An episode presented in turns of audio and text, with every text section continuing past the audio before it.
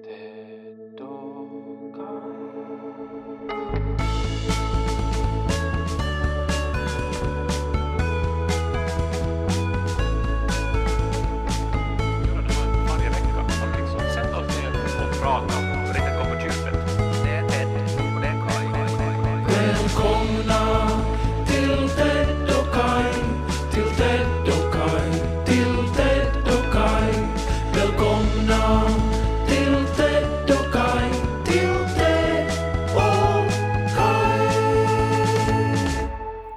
Grattis på sexårsdagen!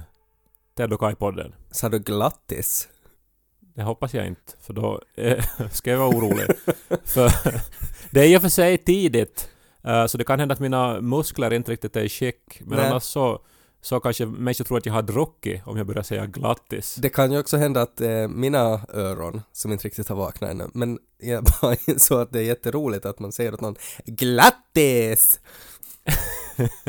Ju, vänta nu, alltså det är ju eh, inte roligt med talfel efter jag har ju levt hela mitt liv med talfel och eh, jag vet ju att många människor eh, upplever det är smärtsamt att, inte exempelvis kunna uttala R. Mm. Eh, men det finns en jätterolig vits som, som, som, som alltid är rolig. Det är den här, eh, alltså man måste kunna finska också för att skratta åt den. Men vad är pilates på engelska? Och Eh, du fick ju en ledtråd nu. Ja, nå... Nej, jag, jag fattar. Eh, Ska man säga pirates? Vad? Melilosvot. oj, oj, oj. Ja, Den är så oväntad. ja. Men, Nej, ja. den var bra, men alltså haltar lite eftersom man på riktigt börjar fundera, vad är pilates på engelska? Ja, men det är ju det som man sitter och funderar på och sen så, så blir man ju som slagen i facet av Ja. den här genialiteten i det Ja. oväntade. Men det är, Ja. nå- det är någonting roligt nog. Det finns ju också en, Eh, en barnbok som heter Boken som inte ville bli läst, som är jätterolig. Eh, och, och där, det är en sån här liksom metabok för barn, alltså att, att där det är väldigt mycket så här att nu förvandlas boken till en ratt och så ska man liksom brumma som en bil och köra den som en ratt och så tycker barnen att det här är jätteroligt. Men det är också i något skede där i den här boken så, så börjar den här boken bråka och så byter den ut alla R så byter den ut mot U istället. Och, det går inte att liksom att läsa fortsättningen utan att börja skratta. Alltså att när det då liksom att bokstaven R har bytts ut mot U och så läser man då att Det kommer en krokodil! Han au oj! Och det blir bara... Det, det går inte att läsa det utan att skratta. Och det är jätte, jätteroligt.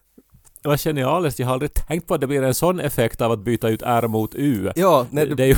det blir... Krokodilen är riktigt förbannad. Oj, oj, oj. Fantastiskt. Tänk att man kan ha så här roligt så här tidigt. Det, här är kanske rekordtidigt som en bandar in en podd. Ja, och uh, orsakerna ska vi inte gå in på. De är omständliga och har att göra med logistik och så vidare. Ja, Eh, men du är också i Pormo. Pormo! jag är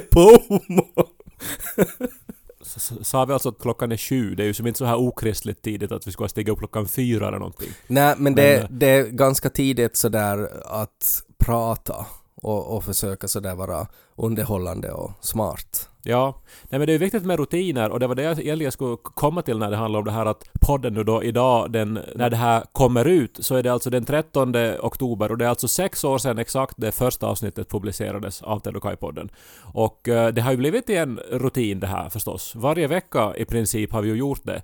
Och eh, man har då alltså ställt sitt liv och sin vecka kring att det är inspelning och att eh, man ska ha nå- någonting på lager så att säga. Och sen den här eh, rutinen då med att alltid ha med sig mikrofonen om det är så att man är på, på resa någonstans och så vidare. Och hur viktigt det är med rutiner. Och jag vet ju att människan är ju en rutinvarelse. Och det var så härligt när jag fick se det här in all its glory häromdagen när jag var på stan. Och jag alltså stod uh, helt vid en korsning, uh, det var mellan uh, Annegatan och uh, Eriksgatan, skulle jag vilja påstå.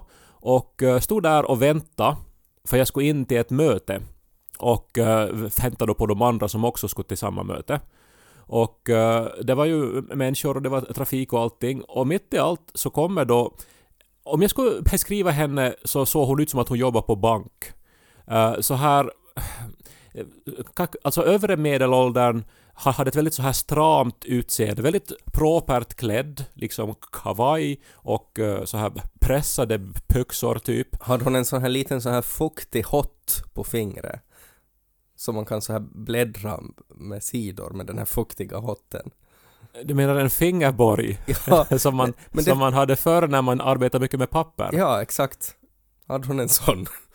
Nej, det, det så jag Men en faktiskt inte. fingerborg, det har man ju så att man inte ska... Sa du fingerboy?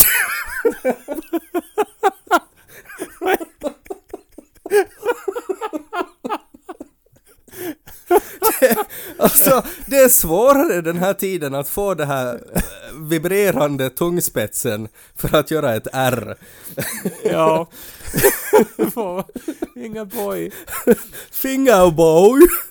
Men en fingerborg så hade man ju, alltså de är ju hårda och är ju uttryckligen som en borg, alltså en fästning som ska stå emot när eh, nålarna lanserar den här fingerborgen. Men en sån här bankfingerborg, de var ju så här fuktiga och av gummi. Alltså sådär att de, de var ju väldigt så här mjuka och så kunde de sätta dem i en så här liksom fuktig grej så att det, det blev vått. Ja, det här är nog minnen från, eh, ska vi säga, en arbetskultur som inte längre existerar tror jag. Men eftersom min mamma jobbar på bank så blev jag väldigt bekant med alla de här redskapen när jag var barn. Så det där väcker varma minnen i mig, de här Mm. fingerborgarna. För alltid när jag var där och väntade på att ma- mamma skulle bli klar med arbetet så då lekte jag med de här och hade en på, på varje finger och tyckte det var väldigt roligt. Men det måste ju ha hett någon, det måste ha hett någon fingervante eller finger pyjamas. Fingerborg heter det nog tror jag. Ja, nog- men nog och, det- också de som är så här eh, inte hårda, heter de också borg?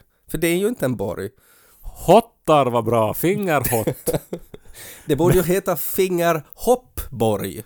Alltså att den är så här, som en sån här uppblåsbar borg. Hoppboy. Vi kan säga hottar. Vi säger hottar tycker jag. Fingerhottar, men hon hade inte, eller hon hade möjligen såna i fickan då, men grejen var att hon styrde rakt mot mig. Och det fanns ingen orsak till att hon skulle göra det. Jag som noterade det här redan på kanske 15 meters avstånd att vänta nu, hon är liksom på kurs rakt mot mig. Det var som sagt inte trångt på gatan eller eh, någonting. Uh, och så närmar hon sig och jag liksom försöker få ögonkontakt, hon ser förbi mig. Jag ser att hon håller i en glasspinne. Alltså hon, hon äter glass. Eller hon har ätit glass, för det finns ingenting kvar på den här pinnen. Och sen så passerar hon helt in till mig så här att, vet du, att jag känner doften av hennes parfym. Och så går hon fram till fönstret på affären som är där, eh, helt bredvid. Och sätter glasspinnen på den lilla kanten nedanför fönstret. Och så skyndar hon vidare. Och så noterar jag att den här kanten nedanför fönstret är full av glasspinnar. De står på rad. Intressant, så hon, det där är liksom hennes eh, ritual. Alltså varje dag antar och om inte hon nu då äter glass så många gånger per dag. eh, men jag tänker att hon är liksom på väg till jobb eller från jobb. Och hon har en rutin varje dag att hon går via någon kiosk eller en affär och köper en eh, glasspinne som hon unnar sig då. Mm. Och som är som en viktig del av hennes rutin. Och den blir alltid, hon köper alltid samma glass. Den är alltid slut, och uppäten vid samma tillfälle under färden. Hon äter samma, i samma tempo varje dag. Och sen placerar hon den i någon sorts utställning då av, ja, men hennes glassrutin. Det är som en liten konstig julkalender. Världens sämsta julkalender. Ja, nej men att det ändå är så här någonting som liksom varje alltså, för man vet ju inte vad hennes rutin är. Kanske när hon kommer då till 24 glasspinnar så då kanske hon slänger dem alla i roskis. Alltså. Det kan ju hända. Jag tänkte också att om jag borde som på något vis då, då börja utnyttja det här på, på något sätt, att, jag skulle som bli en del av eh, rutinen för att jag vet ju nu då exakt vilken tid det här händer. Och att jag då skulle ställa mig där alla dagar och, och, och, och som på något vis börja vara med, gör någonting riktigt underligt eller någonting som hon måste lägga märke till varje dag. Och, och, och så skulle vi kanske, inte vet jag, få kontakt eller någonting. Mötas någonstans i det här mänsklighetens besatthet av rutiner då. Och kanske bli vänner. Vad ska ni prata om då? Gå igenom alla sina tvångstankar och... Nej men jag kände mig besjälad för jag skulle kunna göra det där. Jag är helt övertygad om att jag skulle kunna skapa mig sådana där eh, rutiner och tycka att de är Ja. jätteviktiga. Jag tycker du borde, du borde få köpa en annan glasspinne. Alltså sådär en annan sort. Men som nog är en glasspinne men som ser annorlunda ut så att hon skulle liksom direkt märka att det där är inte liksom hennes glasspinne. Och så skulle du börja sätta liksom i andra hörnet av den där kanten så börjar du med ett så här litet altare. Eller ska jag kunna mindfucka henne på, på eh, något sätt? Lägga någon sorts meddelande från de övergivna glasspinnarna där. Nej, nu kommer, det bästa sättet att mindfucka henne är att du köper ett så här helt vanligt så här glassliterpaket och så får du dit strax innan och så sätter du glass på de där pinnarna så som att de är liksom ouppätna när hon kommer dit. Det skulle vara jättestort mindfuck det. Att har hon ätit de där glassarna eller inte?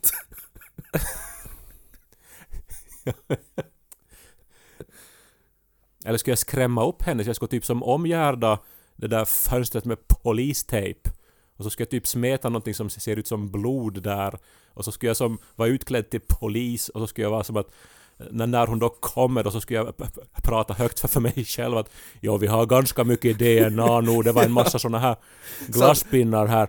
Så, eller som att hon kommer liksom till en pågående mordutredning och så bara kollar du att stiger hon över polistejpen och sätter den här glasspinnen liksom just där mordet har inträffat. För man Ja, får hur ju långt inte... är hon beredd att gå? Ja, för man får ju inte kontaminera brottsplatsen. Eller så bara väntar du att, du, att hon kommer dit eh, och så står du där och så, så fort hon placerar glasspinnen så säger du GLATTIS!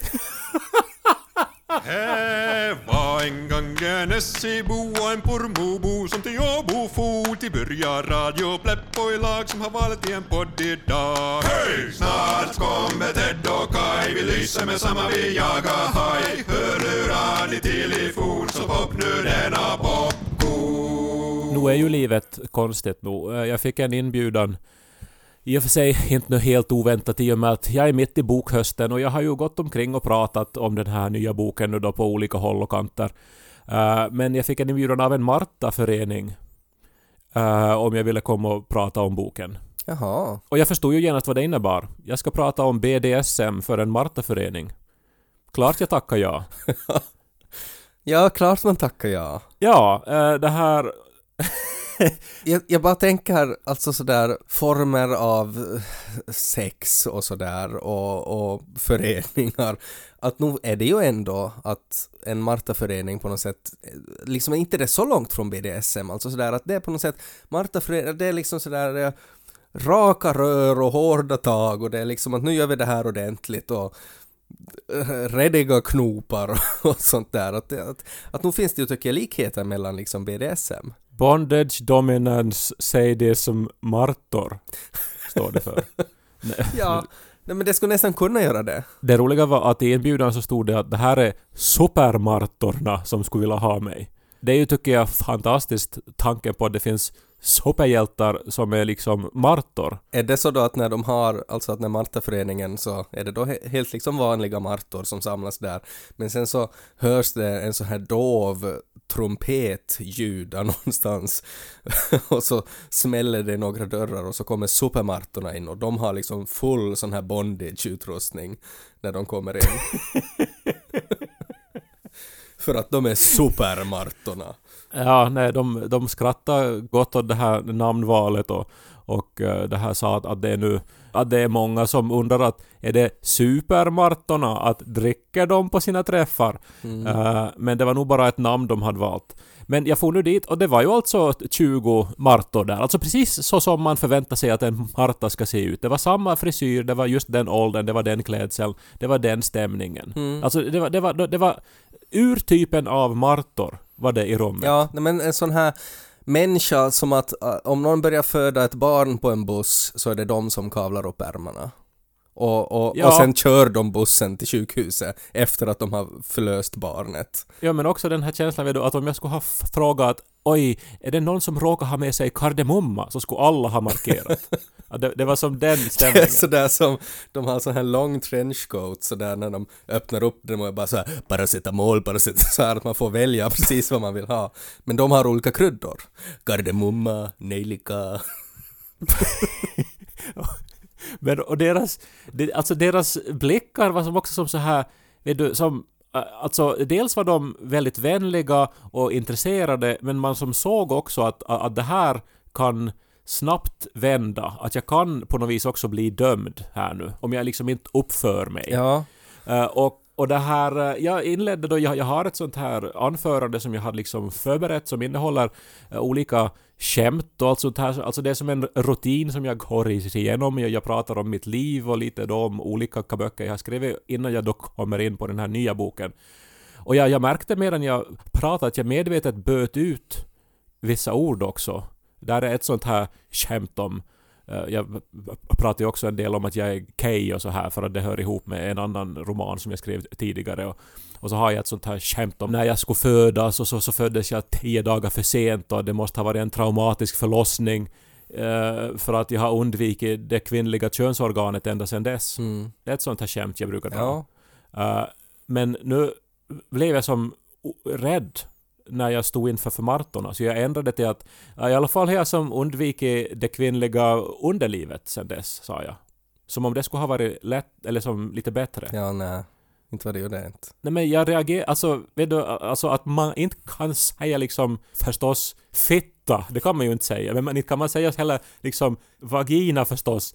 Men könsorgan är som också lite så här för, för, för intimt. Ja, Så- nej jag, jag förstår men samtidigt så var det här ju supermartorna.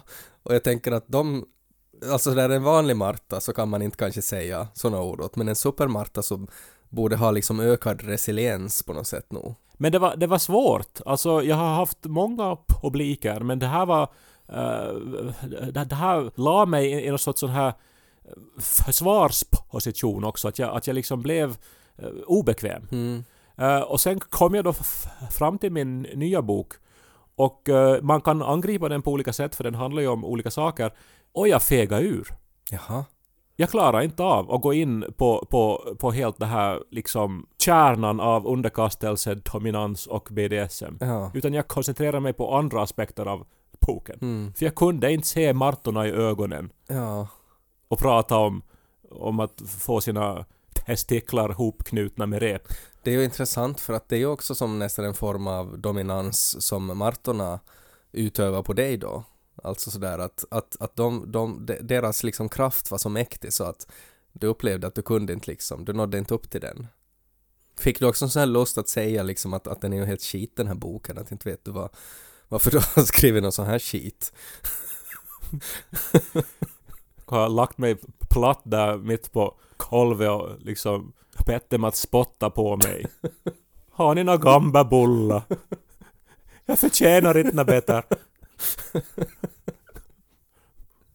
Men kom det någon kommentar då efteråt? Ty- Tyckte de att det var bra? Jo, men de älskar ju det. Men jag undvek ju också den här... Och de köpte boken så nu kommer ju alla få en, en chock nu då sen när de läser den. Trodde det skulle handla om bostadsmarknaden, jag. Sen mitt i allt så började de knyta sticklar.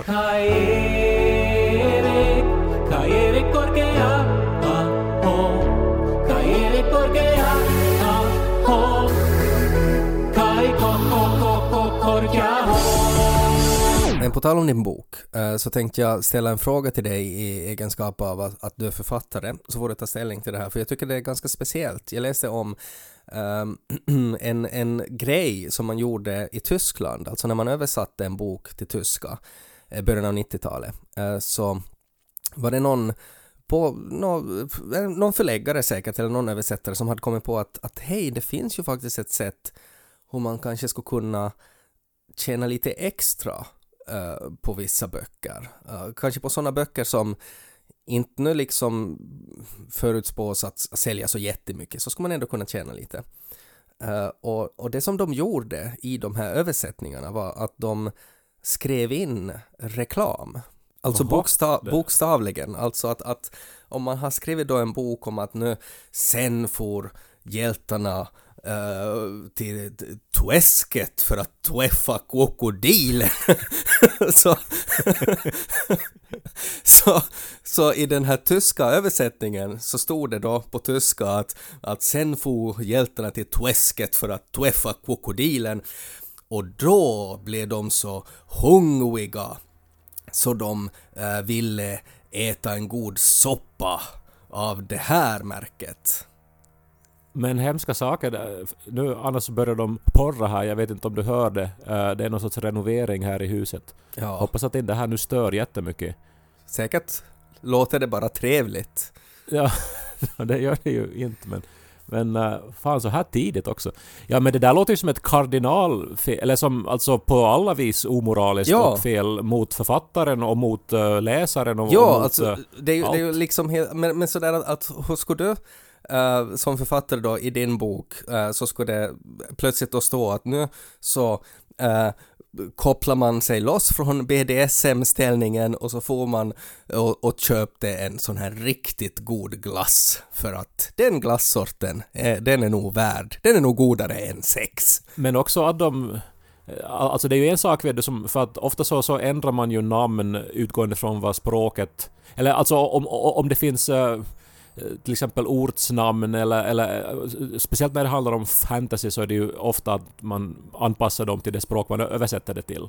Mm. Och, men, men, men att då, då börjar på något vis blanda in eh, brand och, och, och liksom kommersiella aktörer är ju nog eh, alldeles oförsvarligt och totalt obegripligt och jag förstår inte hur någon skulle kunna gå med på det här. Alltså Nej, sånt alltså- här är ju alla känsliga för, men jag skulle tro att ofta författare som ofta ändå eh, Eh, eller många författare drivs ju av så här idealism och så här, alltså att man, man tror på konstens värde och att man vill på något vis göra eh, världen lite vackrare och bättre och då är ju sådana här kommersiella aktörer är ju ofta fienden. Så det är ju som Mm. nästan det värsta man kan göra. Ja, och det, det här var ju alltså, det, det, det var just den där reaktionen som de flesta författare hade, så de var ju tvungna att, att sluta med det här. Men att de slutade först när det var tillräckligt många författare som, som började byta förläggare och liksom vägrade gå med på att de här böckerna ges ut i Tyskland om de översätts med reklam. Eh, Så att det här görs ju inte längre, men att det är bara spännande liksom att någon ens har kommit på den här idén och faktiskt driver den igenom i något skede. Men jag minns en gång när, när vi var i New York då, ja, så gick vi på bio. Jag minns vi såg på The Simpsons Movie. Och eh, Mm. mitt i filmen på den stora skärmen så, så kom det såna här pop-up-rutor med reklam. Människor började bua Ja. eh, när det hände. Ja. Och jag har aldrig sett det här i Finland och aldrig sett det liksom igen efter det här. Så Nej. det kan ju hända att det var liksom ett försök då att som börja Säkert var det det och sen konstaterade de att jo, folk börjar bua om vi gör det. Men att också där har någon fått den här idén och drivit det igenom så långt att man gör det som ett test. Att det är ju otroligt vad, vad, vad man gör för, för pengar egentligen. Ja, nej, men, men jag, tro, eller jag vill nu tro att det här hör till ovanligheterna. I och för sig, inte kan jag ju veta. Jag har ju också en roman översatt till tyska och jag har ju läst högstadietyska men inte har jag ju som kunnat läsa översättningen. Inte vet jag ju vad, vad de har skrivit där. Alltså nu kan det ju hända, det är den här som utspelar sig vid Åbo Akademi, som inte allt om jag börjar liksom granska, så är där då typ att Nå men, sen sökte eh, Kalle in till Burger Kings universitet.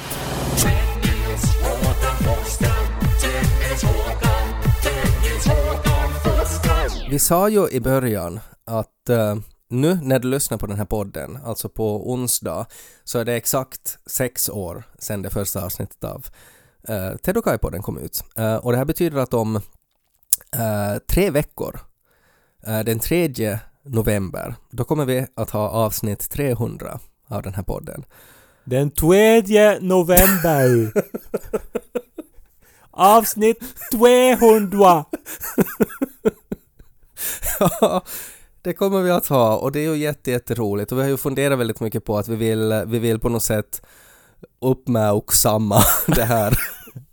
För det är ju ett jubileum, det är ju någonting stort och det är någonting fint och, och, och, och vi har funderat på hur vi ska, hur vi ska göra det här och, och då fastnar vi på det att eh, det är ju du som lyssnar eh, också som har varit med på den här resan. Eh, utan ert stöd och era kommentarer och, och, och, och det att ni faktiskt lyssnar så skulle vi ju inte ha kunna göra 300 avsnitt av den här podden. Eh, och vi har nu fått skaffat en jubileumstelefon som är aktiv från och med idag.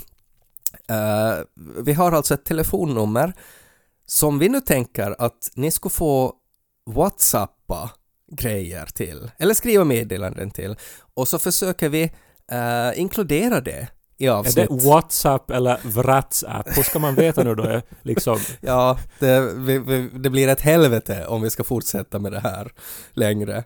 Ehm, men alltså tanken är då att ni, ni, ni kan liksom höra av er till den här telefonen med ett röstmeddelande gärna så kan vi spela upp det eller så skriver ni ett, ett vanligt meddelande och så gör vi det till en del av avsnitt 300. Att, att vi, vi vill göra avsnitt 300 till podden så vill vi göra tillsammans med er och, och vi vill eh, att ni också ska höras i det avsnittet.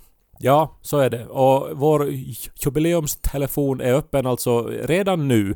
Och eh, han kan tänka så här att att vad tänker man på när man tänker på, på den här podden? Har, har ni något nå minne? Har ni någon fråga? Har ni någonting som ni, som, som ni associerar med den här podden som ni tycker att andra bör få veta? Och vi också.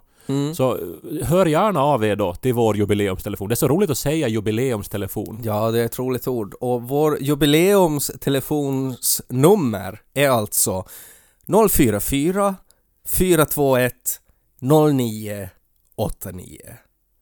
Säg det en gång till. 044 421 0989. Och säg det med U istället för R. 044 421 0989. Fjua blir det väl. Och inte fya. Fjua, fjua. Fuja, fuja. Ja, det är svårt. Um, vad konstigt det kändes också att säga telefonnummer i en podd. Det blev, det blev radio på något sätt. Telefonen är öppen. Skicka in, alltså eh, roligast är det ju att om ni skickar in ett röstmeddelande på WhatsApp för att då kan vi spela upp det i sin helhet i podden eh, och så får andra också lyssna på det. Men eh, skicka vad som helst. Vad gör man egentligen på en sexårsdag? Då är, det ju, alltså, då är man ju nog medveten om att man fyller år och, och att man, är, man, man ska fira och att man på något vis är värd att firas på något sätt. Mm. Ja, det är viktigt att man har en, en god tårta och, och mycket godis eh, och hårda paket. Det är ju det man vill ha som sexåring. Jag tror jag ska köpa mig en glass ja. Och fara och ställa mig i hörnet av Eriksgatan och Annegatan. Och stirra henne i ögonen.